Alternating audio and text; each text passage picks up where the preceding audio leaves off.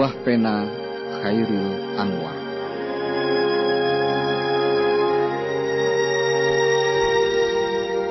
Kalau sampai waktuku, ku mau tak seorang kan merayu, tidak juga kau, tak perlu seduh sedan itu.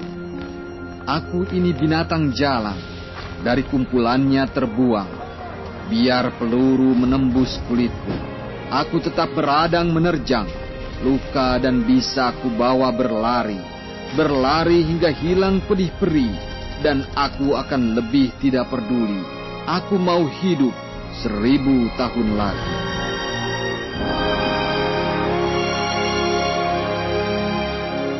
Puisi tadi berjudul Aku, karya Khairil Anwar, penyair legendaris Indonesia Angkatan 45.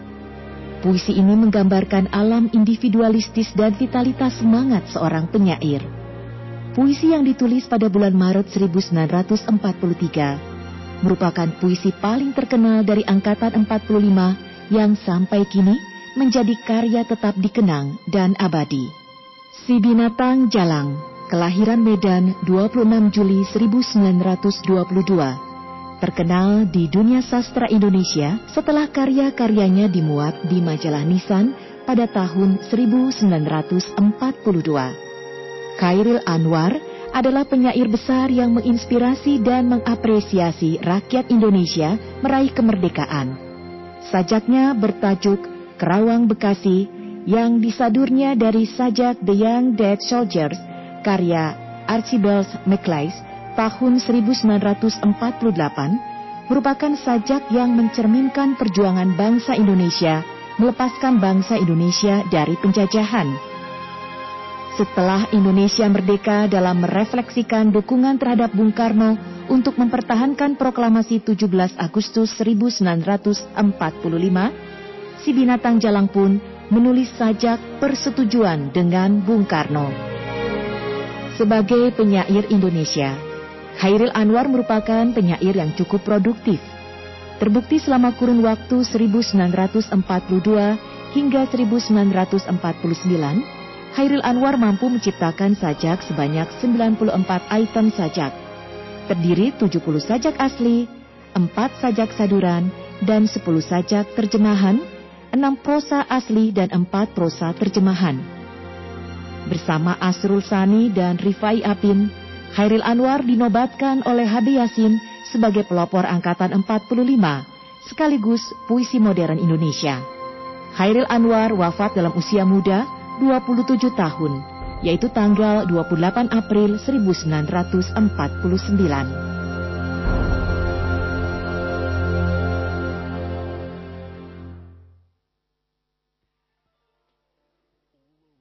Mendengarkan Pro 1 RRI Ambon 105,1 FM Kanal Inspirasi.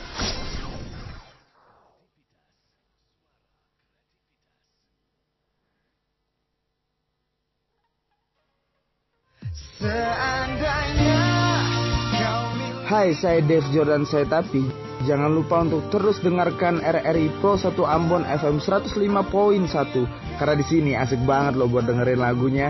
Dengarkan musiknya, dengarkan pula informasinya. Stay tune.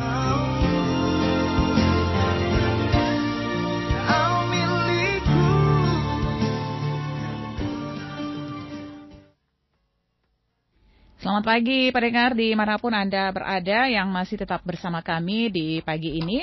Dan saudara kami mengajak Anda untuk mengikuti acara siaran pembinaan bahasa dan sastra untuk edisi Rabu 29 September 2021.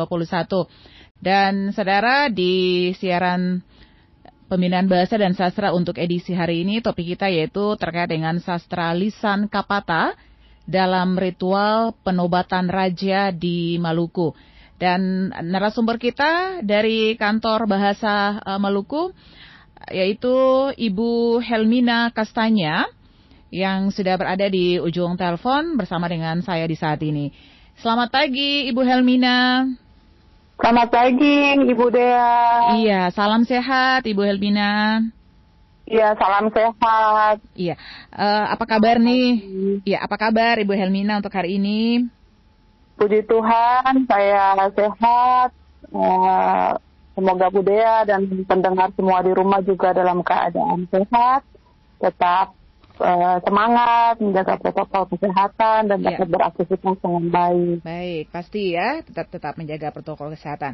Ya, Ibu Helmina, sebelum kita ke topik kita, kesibukan apa saat ini yang eh, sementara dilakukan, Ibu Helmina?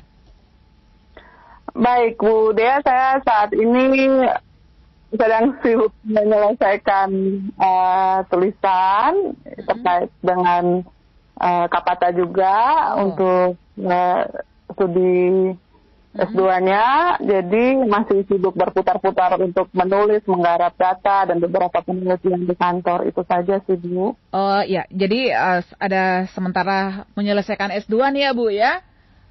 Baik, ya Ibu Oke, Dea. ya sukses.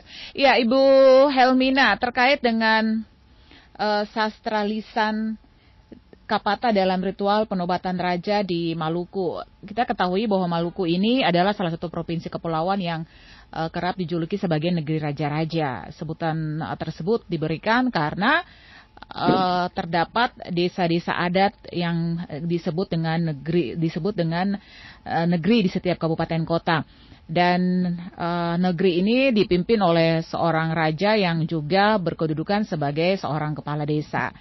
Eh, Dan dalam eh, biasanya seorang raja diangkat berdasarkan garis keturunan, begitu ya, Ibu Helmina.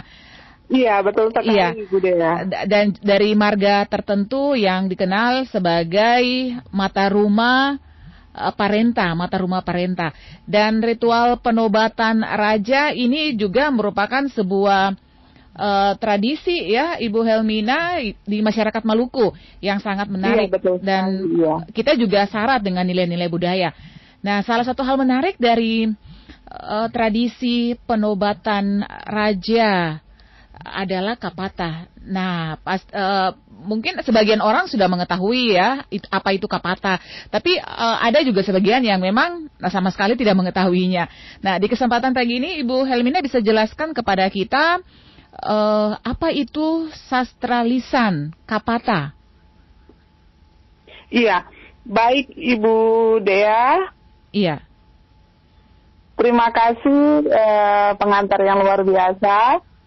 Eh, di sini sebelum saya menjelaskan apa itu kapata, saya sangat eh, yakin sekali pendengar Hmm. di rumah eh, istilah kapata itu sendiri tidak asing lagi di telinga kita atau di kepala kita.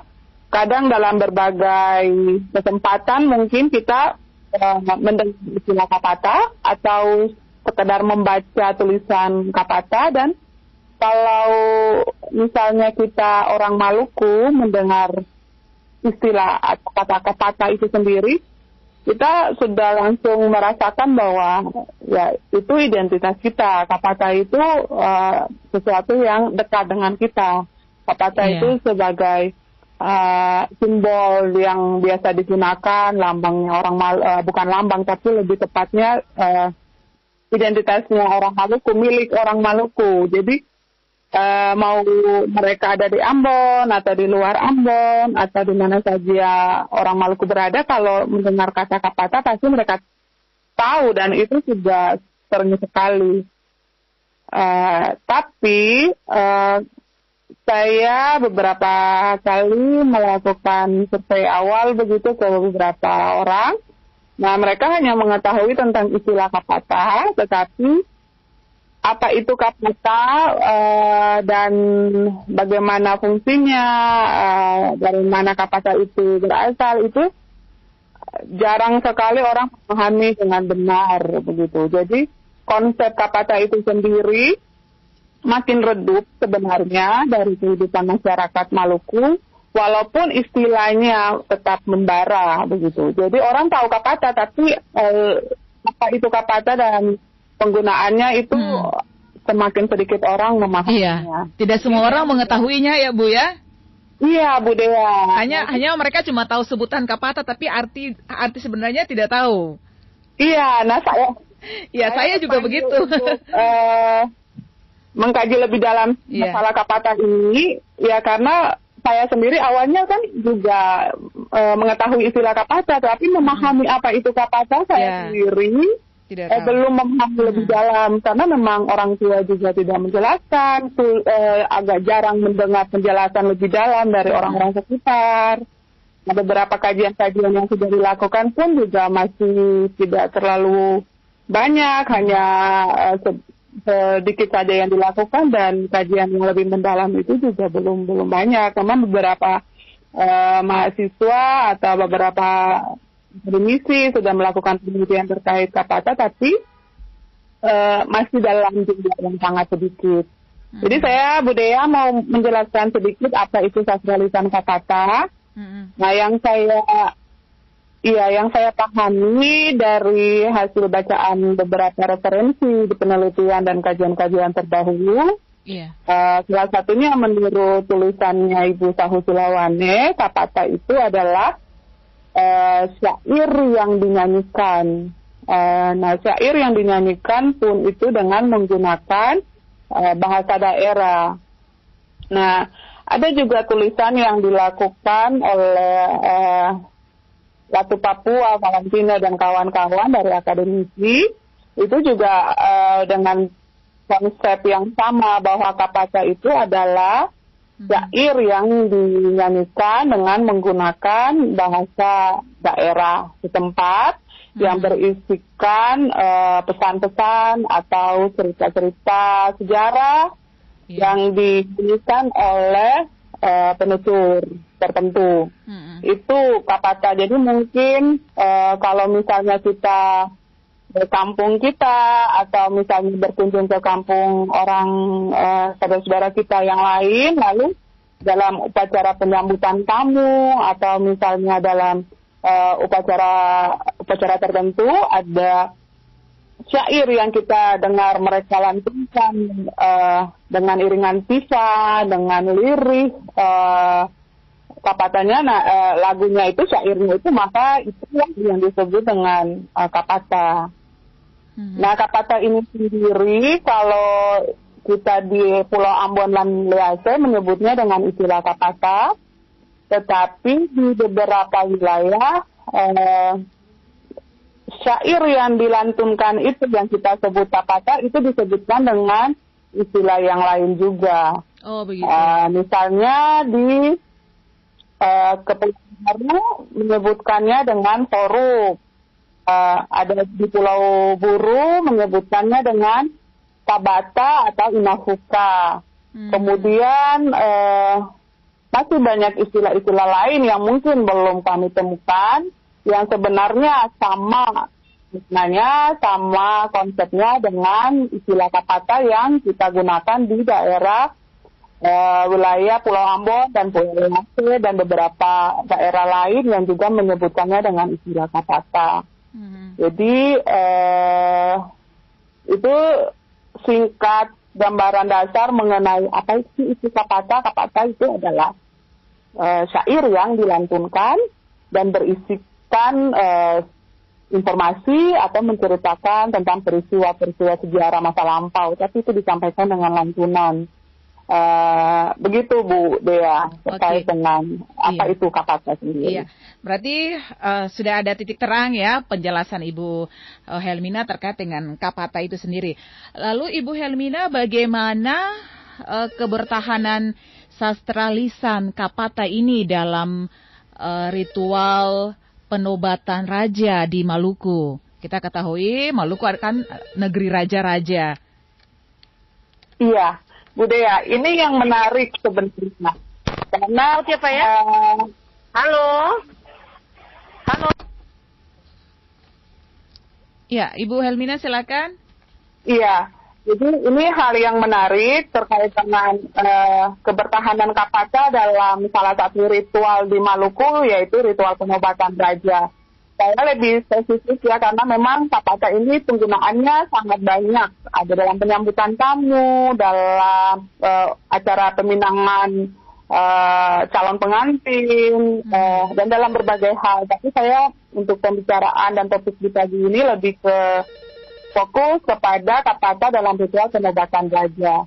Mhm. Nah, saya berangkat dari eh, hasil survei juga yang dilakukan sejak akhir ke tahun 2020 pertengahan bahkan sampai akhir uh, 2020 pendengar di rumah mungkin di antara kita juga yang memang berasal dari beberapa negeri, mm-hmm. beberapa desa yang uh, pada tahun 2020 kemarin uh, melakukan uh, pelantikan raja dan penobatan raja.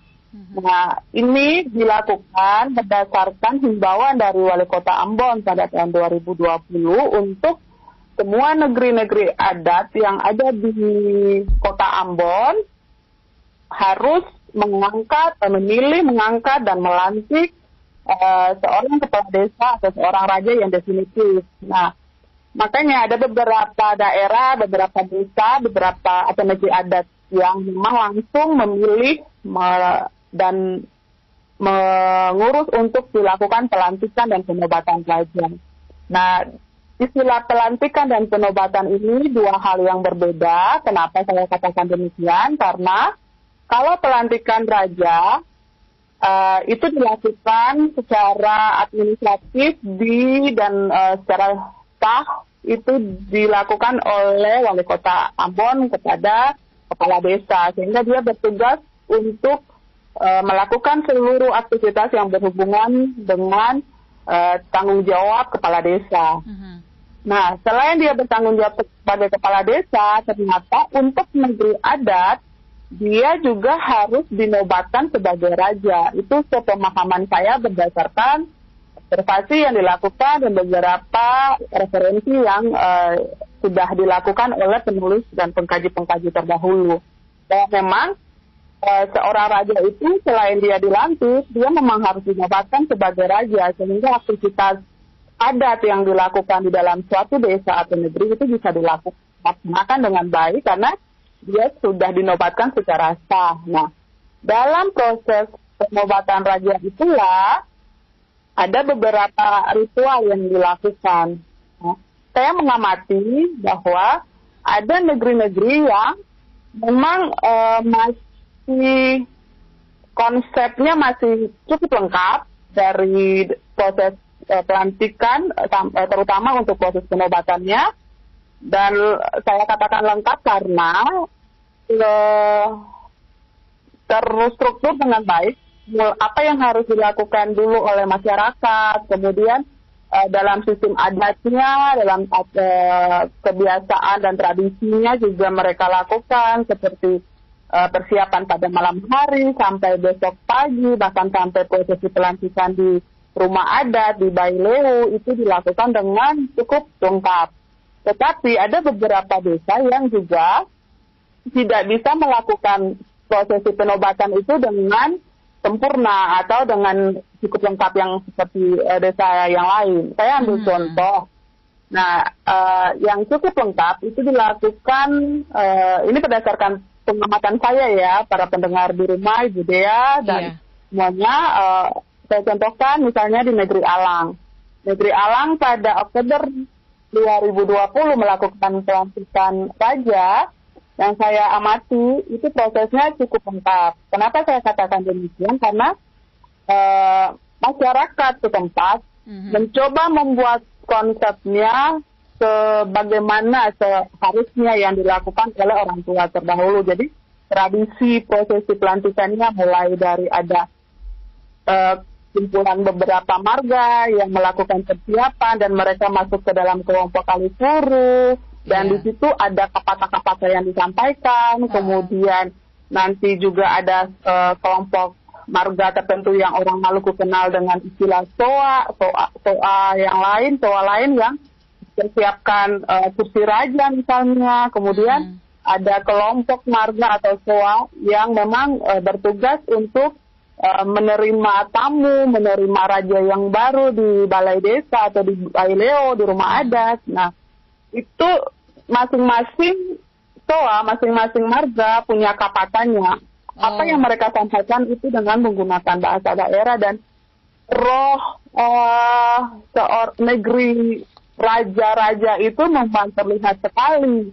Nah, uh, berbeda dengan beberapa desa, misalnya di tempat saya ya saya di tempat ibu saya eh, dan saya negeri Sapalai tahun 2020 kemarin juga melakukan pelantikan dan penobatan raja. Hmm. Yang saya amati dari yang dilakukan di negeri Hatalai misalnya, mohon maaf, itu memang eh, konsepnya tidak sesempurna misalnya di negeri Alang. Nah, yang saya lihat adalah eh, semakin uh, kurang penutur kapata sehingga proses pengobatan itu juga hanya dilakukan uh, semampu masyarakat untuk dilakukan. Nah, akhirnya kalau kita lihat dari uh, prosesi dan ritual itu, kalau tidak ada kata rasanya tuh kayak roh uh, apa nilai dan identitas dari negeri adat itu agak berkurang dibandingkan dengan negeri yang memang melakukannya dengan versi yang lumayan uh, lengkap. Jadi uh, lengkap dan tidaknya itu juga saya tidak bisa memastikan bahwa oh ini sudah lengkap, ini belum lengkap karena juga saya mengamati, saya juga men mengkaji dan saya juga hanya melihat dari kacamata saya sebagai pengkaji peneliti eh, tidak tidak sebagai orang yang memang benar-benar tahu bahwa ini konsep lengkap dan ini tidak. Hanya dari versi kalau kehadiran Kapaca dalam pelantikan raja, ternyata itu penting. Jadi walaupun ritualnya sedikit, tapi tetap aja ada eh, sedikit syair yang disampaikan dengan menggunakan bahasa daerah eh, yang dinyanyikan itu. Jadi memang eh, jika kurang itu memang terlihat seperti masih kurang lengkap begitu. Nah, ini menunjukkan bahwa kebertahanan kapaca dalam tradisi penobatan raja itu eh, dalam kondisi saat ini boleh dikatakan bahwa sedang ada dalam masa kritis begitu karena bukan cuma saya contohkan di negeri Hatalai tapi di beberapa negeri tetangga yang juga melakukan penobatan raja itu juga akan hilang konsep-konsep kata itu. Bahkan mungkin saja ada negeri yang e, merupakan negeri adat, tapi sampai saat ini belum dilakukan penobatan jejak, walaupun sudah dilantik sebagai kepala desa. Sehingga dalam pengambilan dan pelaksanaan ritual adat, dia tidak bisa melakukannya dengan baik.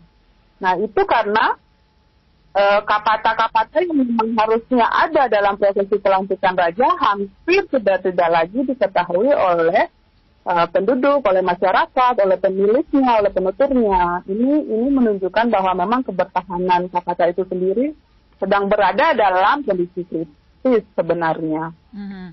Berarti uh, uh, pada gitu pada sih. ya berarti kesimpulannya masing-masing daerah tanah adat itu dia punya kapata tersendiri begitu ya Bu ya? Iya, benar. Oh, Karena uh, kapata itu dari masing-masing marga punya kapata masing-masing. Uh, iya. Iya, berarti uh, cukup banyak ya berarti kalau masing-masing marga mempunyai kapata tersendiri. Iya. Iya. Iya, Ibu Helmina, dalam kehidupan sehari-hari sebenarnya apa peran masyarakat adat ini dalam uh, melestarikan sastra lisan itu? Iya, budaya dan pendengar di rumah uh, masyarakat kita semua ada di Maluku, terutama yang memang uh, orang-orang yang berasal dari negeri-negeri adat, kita punya peran yang sangat penting dan uh, harusnya kita punya kontribusi yang sangat besar dalam mempertahankan budaya identitas kita. Jadi uh, kita, saya berharap bahwa kita tidak hanya menjadi orang yang ya tahu bahwa ada tradisi ini, tahu hmm. ada sastra lisan ini, tahu ada kapata. Tapi ketika ditanya apa itu kapata, tidak tahu. kita tidak tahu. Iya. Itu sesuatu yang memang uh, masing-masing orang bisa benar-benar serius. Tapi uh, itu memang kenyataan uh, yang, uh, iya, Ibu Hermina iya. saya potong, tapi itu memang kenyataan yang kita hadapi saat ini. Betul, Bu Dea. Aduh, itu suatu fakta yang hmm, tidak bisa dipungkiri ya. Tidak bisa dipungkiri. Nah, iya. uh, kita tidak bisa menyalahkan siapa-siapa ya budaya ya. Hmm, hmm. Yang bisa kita lakukan sebagai masyarakat adat adalah kita punya kesadaran aja dulu. Iya. Jadi kita punya punya kemauan, uh, kesadaran, kemudian Hmm. punya kemauan untuk ya kita harus bisa. Nah, kenapa di tempat lain, Bu Dea, Iya. Mereka bisa dari sisi pariwisata mereka bisa eh, maju karena mereka mempertahankan identitasnya Betul. bagi orang luar itu menarik. Iya, mungkin Nah. mungkin iya I- Ibu Ibu Ya. Hermina ini penjelasan dari Ibu Hermina ini menarik. Mungkin salah satu contohnya di eh, daerah istimewa Yogyakarta itu adat mereka Yogyakarta. sangat iya, adat mereka itu sangat sangat sangat kental dan mereka tidak mau untuk menghapusnya begitu. Betul Ibu Dea. Nah, jadi akhirnya kan mereka disebut istimewa karena mereka punya sesuatu yang istimewa. Istimewa, iya. Iya, nah kita di Maluku ini disebut sebagai negeri raja-raja. Wow, raja gitu loh. Iya. Di tempat lain raja itu disembahnya luar biasa. Betul. Nah kita di Maluku yang hanya setara kampung atau desa punya raja Hmm. dan itu eh, menjadi raja tidak sembarang orang. Nah Iya. itu sebenarnya hal menarik Betul. Yang bisa menjadi potensi bagi kita untuk mengembangkan daerah kita. Hmm. Nah, bagaimana kalau misalnya kita mau mengembangkan, sementara kita sendiri tidak punya kemauan, Ya. tidak tidak punya rasa bangga, tidak mau tahu, lalu tidak mau mewariskan. Nah, ini ini beberapa faktor, beberapa hal yang terjadi, Bu Dea. Mhm. Ah, kondisi yang saya dapati di lapangan begini, Bu Dea. Iya. Ini kan terkait tapatan nih Mhm. ada sebagian penutur yang misalnya dia saat ini sebagai eh, eh, sebagai tua adat misalnya. Dia Hmm. merasa bahwa saya tidak bisa mewariskan tapata ini karena ini sakral, saya tidak bisa mewariskannya kepada orang lain. Nah, itu benar dalam konsep penutur masyarakat adat. Tetapi kalau kita melihatnya dari kacamata eh, masyarakat modern yang mau mempertahankan itu, kita berharap bahwa proses transmisi itu jangan eh, terlalu kaku. Kalau Iya. memang misalnya, Budaya, saya misalnya salah satu tua adat yang yang saat ini bisa berkapatan. Nah, Budaya anak saya, tapi Iya. Budaya tidak mau belajar kapata itu dan tidak mau meneruskannya Iya. Bakal mati dong budaya, bakal punah dong kapata itu. Nah, apakah saya mau membagikan atau apakah saya mau mentransmisikannya kepada generasi berikut yang memang bukan anak saya atau kerabat saya yang mau, ataukah tidak? Nah, itu juga menjadi persoalan yang eh, butuh ke kesadaran dari penutur itu sendiri, kemudian dari generasi berikutnya untuk saling mau memberi dan mau belajar, mau menerima juga. Begitu. Jadi ini sebuah tantangan besar buat kita.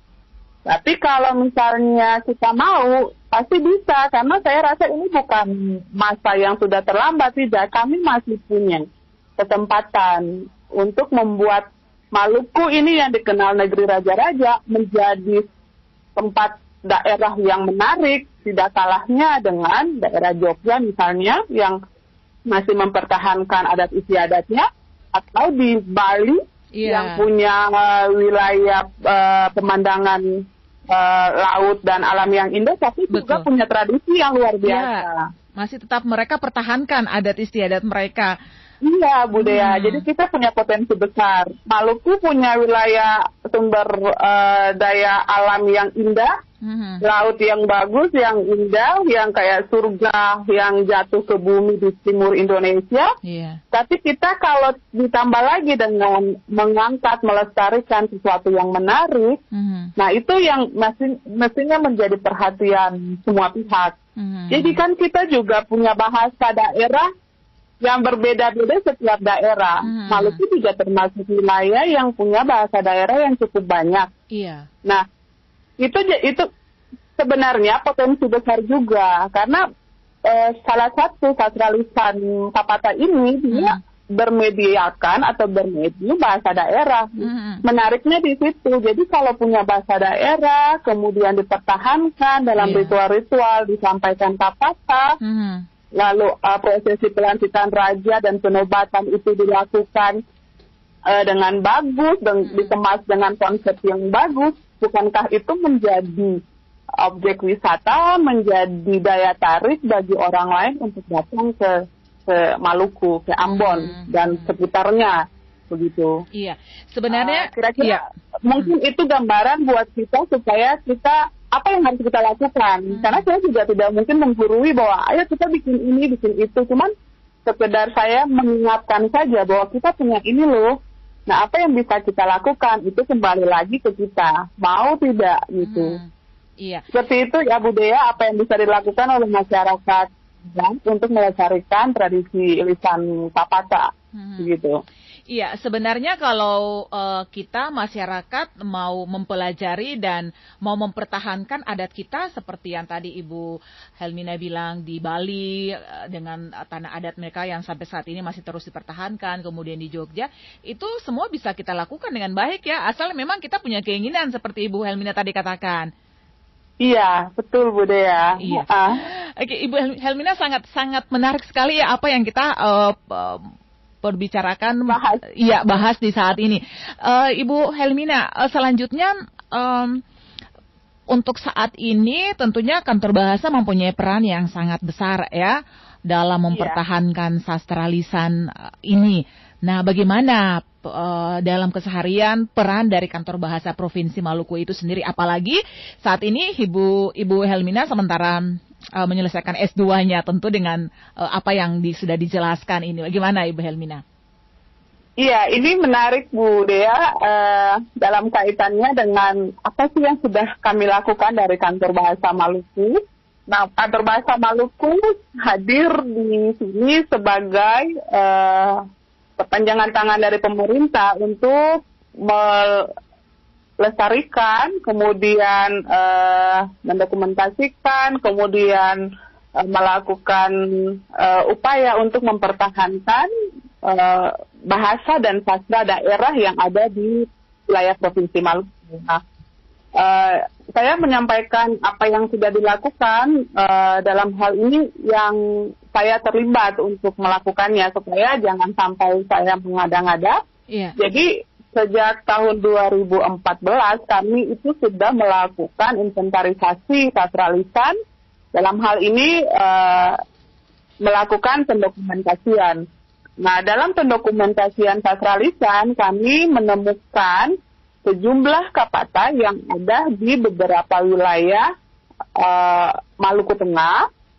Dan waktu itu ketika saya mengumpulkan data di wilayah Maluku Tengah di negeri eh, Hitu, itu juga saya menemukan beberapa kapata di sana. Nah, Mhm. kapata itu adalah kapata yang berisikan sejarah, informasi tentang eh, terbentuknya negeri itu. Kemudian ada beberapa teman juga yang sudah melakukan inventarisasi terkait dengan kap- kapata itu dan eh, mereka juga mengumpulkan. Nah, kami sampai saat ini hanya eh, dalam kaitannya dengan sastra lisan kapata ya khususnya kapata bukan sastra lisan yang lain. Hmm. Kami masih sampai pada taraf pendokumentasian saja dulu, belum melakukan tindakan yang eh, lebih lanjut, misalnya melakukan revitalisasi terkait dengan eh, atau konservasi terkait dengan kapata itu sendiri.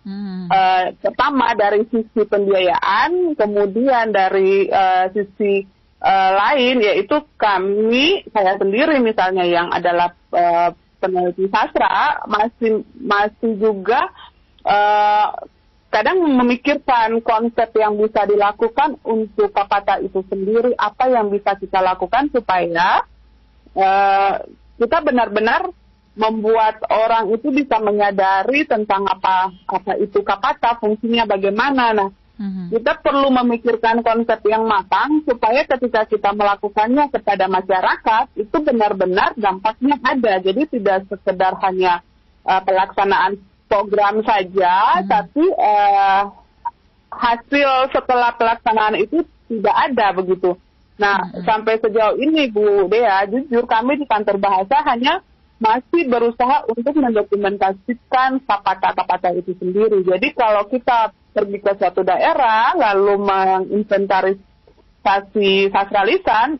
kalau ada kapata kami ambil. Beberapa teman yang tahun ini juga pernah melakukan perjalanan ke Maluku Tengah untuk pengambilan data mereka. Nah, uh, kita sharing kita di kantor, uh, salah satu teman yang ke lapangan, Bung David itu juga pernah menyampaikan bahwa di Rohua itu kapatanya cukup banyak dan memang Hmm. Uh, saya juga belum sampai ke sana, tapi yeah. menurut uh, salah satu anak negeri Rohua, dia juga menyampaikan uh, ketika saya bertemu dengannya, salah satu mahasiswa Pati, dia menyampaikan bahwa di sana itu ma mereka masih melakukan beberapa ritual adat hmm. dan kata itu masih dilakukan. Nah, uh, semoga ke depan kita bisa sama-sama melakukan kegiatan atau uh, suatu hal yang bermanfaat untuk membuat masyarakat menyadari pentingnya kapata itu dulu. Jadi kalau misalnya sampai saat ini ada beberapa negeri yang masih mempertahankan kapata itu dengan baik, tidak hanya dengan pelantikan raja saja atau eh, biasanya mereka lakukan dalam beberapa aktivitas. Nah, itu suatu hal yang luar biasa apresiasi yang perlu disampaikan kepada uh, raja kepada masyarakat karena mereka mau dengan sendirinya menjaga melindungi sastralisan kapata. Nah, uh, budaya saya sendiri berharap bahwa uh, selanjutnya kantor bahasa Maluku bisa uh, lebih memikirkan konsep yang matang lagi mm-hmm. untuk bagaimana merevitalisasi sastralisan kapata mm-hmm. itu sendiri. Mm-hmm. Karena kapata itu dia dalam yang seperti tadi saya singgung ya, pewarisannya hmm. itu kan juga agak agak tertutup. Jadi memang kita tidak bisa datang kemudian langsung e, meminta mereka untuk menyampaikan karena beberapa penutur masih merasakan bahwa masih memikirkan bahwa kapata itu adalah e, sesuatu yang memang sakral, tidak hmm. bisa disampaikan ke sembarang orang. Hmm, Ibaratnya seperti kita meneliti mantra. Hmm. Tidak semua orang pemilik mantra akan menyampaikan mantra ya. itu dengan enak saja Betul. kepada Siap, uh, orang lain, orang yang menanyakan. Mm -hmm. Jadi uh, mengambil atau menginventarisasi untuk mendokumentasikan uh, budaya kita yang yang dalam hal ini proses pewarisannya agak tertutup itu sebuah tantangan besar sehingga perlu ada konsep yang matang dari uh, siapa pun atau lembaga atau dari kantor bahasa juga. Begitu hmm. Bu Dea. Iya. Uh, Ibu Helmina dalam uh, pengambilan uh, studi S2 tentu punya uh, tentunya punya penelitian tersendiri ya. Nah, iya, dari iya. ya Ibu Helmina tadi uh, menjelaskan terkait dengan konsep harus punya konsep yang matang. Nah, dari penelitian ataupun kajian yang Ibu Helmina lakukan untuk uh, studi S2-nya ini, uh, apakah sudah punya konsep tersendiri untuk uh, supaya bisa mengimplementasi apa yang tadi Ibu Helmina sampaikan?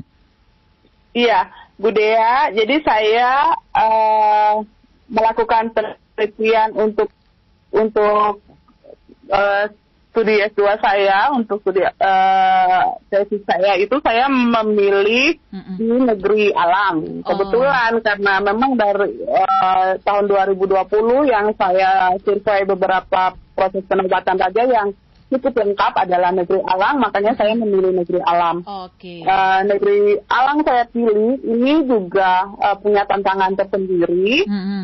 Tapi saya mencoba untuk merancang supaya uh, yang saya lakukan ini benar-benar bisa menghasilkan sesuatu yang memang bermanfaat juga bagi masyarakat negeri alam. Mm-hmm. Pertama yang saya lakukan adalah saya melakukan uh, koordinasi dengan kepala desa negeri alam dengan bapak raja negeri alam. Nah saya menyampaikan dulu kondisi kapata dan uh, beberapa hasil survei yang sudah dilakukan.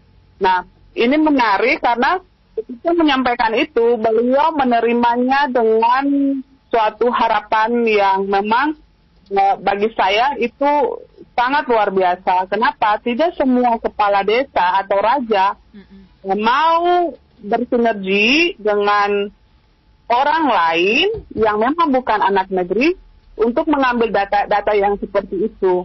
Nah, memang ada tantangan walaupun kepala eh, kepala raja sudah mengizinkan dan juga sangat mau untuk eh, saya melakukan penelitian terkait dengan kapata dalam proses pelantikan raja ini. Tapi ada beberapa tantangan tersendiri karena kapata itu kan bukan eh, semuanya diketahui oleh Bapak Raja, bukan semuanya milik Bapak Raja, tapi milik beberapa marga dan kumpulan marga yang kita kenal dengan SOA. Nah, ketika melakukan pendekatan dengan kepala-kepala SOA, nah tidak semua kepala SOA bisa uh, berpikir terbuka dan mau menerima. Ada yang memang benar-benar merasa bahwa ini sesuatu yang sakral, tidak bisa sembarang disampaikan. Uh, takutnya saya menyalahgunakan data-data itu, bahkan uh, takutnya mereka juga dihukum oleh orang tua, leluhur, begitu. Jadi, nah, berusaha untuk melakukan pendekatan persuasif secara personal dengan para pelaku uh, dan penutur kapata itu sendiri yang uh, lebih intensif saya lakukan untuk membuka pemikiran mereka bahwa kalau kita tidak melakukan dokumentasi dari sekarang dalam sebuah uh, buku atau dalam sebuah teks tertulis maka jangan salah kalau ke depannya nanti ketika kita sudah tidak ada, anak-anak kita sudah tidak bisa mengetahuinya lagi. Nah, karena Maluku ini, budaya jujur, itu juga dari hasil uh, pembacaan kajian-kajian terdahulu, salah satu tulisan yang dilakukan oleh uh, Bung Marlon Rilimase dari Balai uh, dari arkeologi itu tulisannya terkait dengan Kapata. Dia menyebutkan bahwa salah satu hal yang membuat Kapata itu uh, dalam kondisi yang memang uh, hampir punah di Maluku ini karena kita memang sejak dulu budaya orang tua kita itu bukan budaya menulis, kita budaya lisan. Sehingga kalau misalnya sesuatu yang kita sampaikan dari mulut ke mulut tanpa kita tulis, itu pertama, membuat banyak variasi. Kedua, dia mudah hilang. Beda dengan daerah lain yang sejarahnya mereka tuliskan. Nah, tulisannya itu misalnya bisa ditemukan dalam manuskrip-manuskrip, dalam hikayat. Nah, Maluku ini kan kita tidak punya budaya itu sejak dulu. Kita tuh budayanya lisan. Orang tua selalu berpikir untuk Nah, untuk mengingat sejarah ini, kita buat dalam syair, lalu kita nyanyikan, kemudian sudah dihafal, dan diteruskan ke anak-anak, itu lebih mudah daripada budaya untuk menulis supaya menyimpan, begitu. Ini yang memang kita sebagai generasi orang Maluku harus uh, memahami dulu, kenapa kita budaya ini hilang. Nah, kenapa juga di tempat lain bisa dengan mudah menemukan aksara tulisan-tulisan huruf kuno dari setiap daerah di Maluku itu kurang karena memang ya salah satunya salah satunya adalah kita punya budaya menulis itu dari leluhur uh, sangat kurang dan itu diwariskan ke kita. Nah karena hmm. dia diwariskan dalam bentuk lisan maka sudah pasti itu sangat mudah untuk hilang. Dengan demikian, kita seperti saya yang sementara melakukan kajian ter terkait kapata yang proses kewarisannya juga dari mulut ke mulut, tantangan tersendiri. Bagaimana kita punya trik di lapangan supaya kita berusaha untuk mendapatkan data. Nah, kadang Budaya, waktu di lapangan itu, uh, hari ini saya mendapatkan informasi terkait kapata yang dilakukan oleh Marga Huai misalnya seperti ini. Mm nanti otak yang waktu mereka nyanyikan pada saat hmm. Raja masuk ke Baileo ini kan begini ya hasil hmm. rekamannya. Hmm.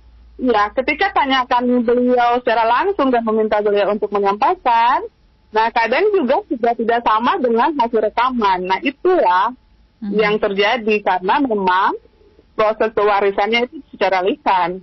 Nah, jadi waktu itu dia nyanyikannya menurut dia seperti ini, ada beberapa kata yang kurang tuh atau ada beberapa kata yang ternyata dia tambahkan lagi. Hmm. Tapi itu bukan masalah yeah. karena memang proses pewarisan budaya kita terutama sejarah-sejarah masa lampau hmm. itu umumnya disampaikan secara lisan dan orang tua kita dulu menyiasatinya dengan membuatnya dalam bentuk syair yang dihafalkan atau dinyanyikan. Nah, biasanya kita punya budaya mengingat lagu.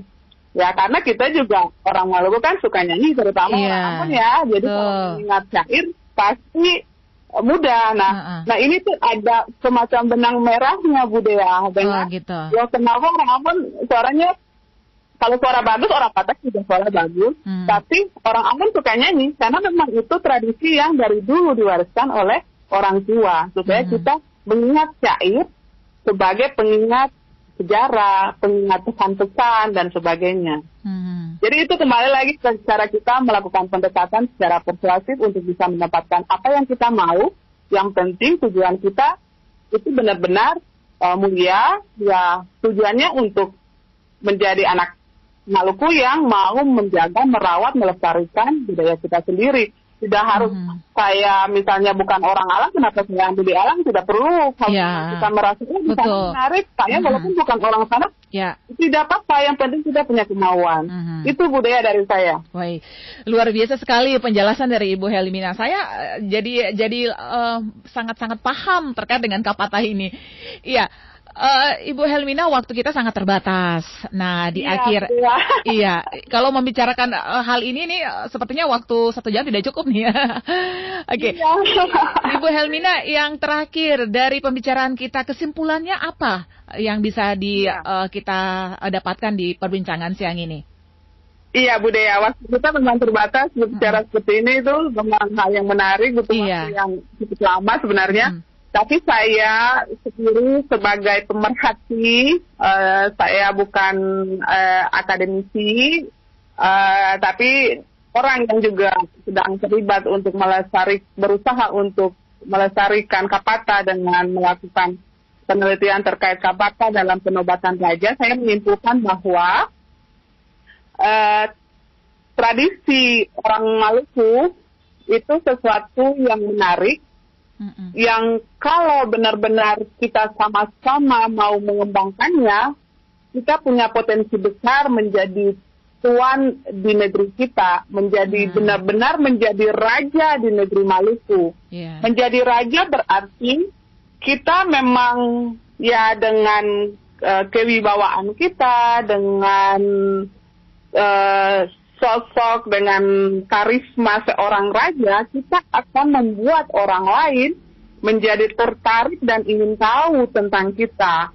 Dengan demikian, mari sama-sama baik pemerintah, baik masyarakat umum, baik eh, mahasiswa, baik siswa, baik eh, akademisi, praktisi dan semua elemen masyarakat, masyarakat terutama masyarakat penuturnya, mari kita sama-sama saling bersinergi untuk melestarikan budaya kita, melestarikan tradisi kita, terutama eh, dalam hal ini melestarikan kapata, sehingga kalau misalnya kita mendengar istilah kapata atau orang menyebut kapata, lalu ketika ditanya kita tahu dan kita paham konsepnya. Mhm. Nah, kapata tidak lagi sebagai semacam simbol saja yang kosong, tetapi kapata itu benar-benar identitas orang Maluku dan orang Maluku paham tentang kapata itu sendiri. Mhm. Itu sih kesimpulan dari saya, Bu Dea. Iya, paling tidak kita sedikit mengetahui begitu ya, supaya Iya, tidak iya. tidak membuat kita malu sendiri ketika kita berada di uh, daerah orang lain terus ditanya gitu. Iya, betul betul. Dea. Oke baik. Semoga kita cinta ya akan budaya kita, budaya Betul, harus itu. Iya, Ibu Helmina, Aduh. terima kasih banyak ya sudah bersama dengan kita di acara uh, siaran uh, bahasa sastra lisan di kesempatan siang ini pagi hingga siang. Terima kasih banyak, sukses Ibu dengan studi S2-nya. Terima kasih, Bu Dea. Iya, Sukses. Iya dan kapan-kapan kita aktivitas Bu Dea. Iya, kapan-kapan kita akan uh, bahas lagi ya topik yang lainnya Ibu Helmina. Baik, Bu Dea. Iya. Iya. Terima kasih Bu Helmina, selamat siang. Salam Selamat siang, sehat. Dea. Selamat siang pendengar di rumah. Ya, pendengar, menarik sekali ya apa yang kita uh, perbincangkan di siang ini bersama narasumber kita, Ibu Helmina Kastanya dari uh, yang merupakan peneliti di kantor bahasa Maluku yang saat ini sementara mengambil studi S2 uh, terkait dengan sastra lisan Kapata dalam ritual penobatan raja di Maluku. Bunga di Merpati putih berharap pulang Terbang nâng trang bàn hát.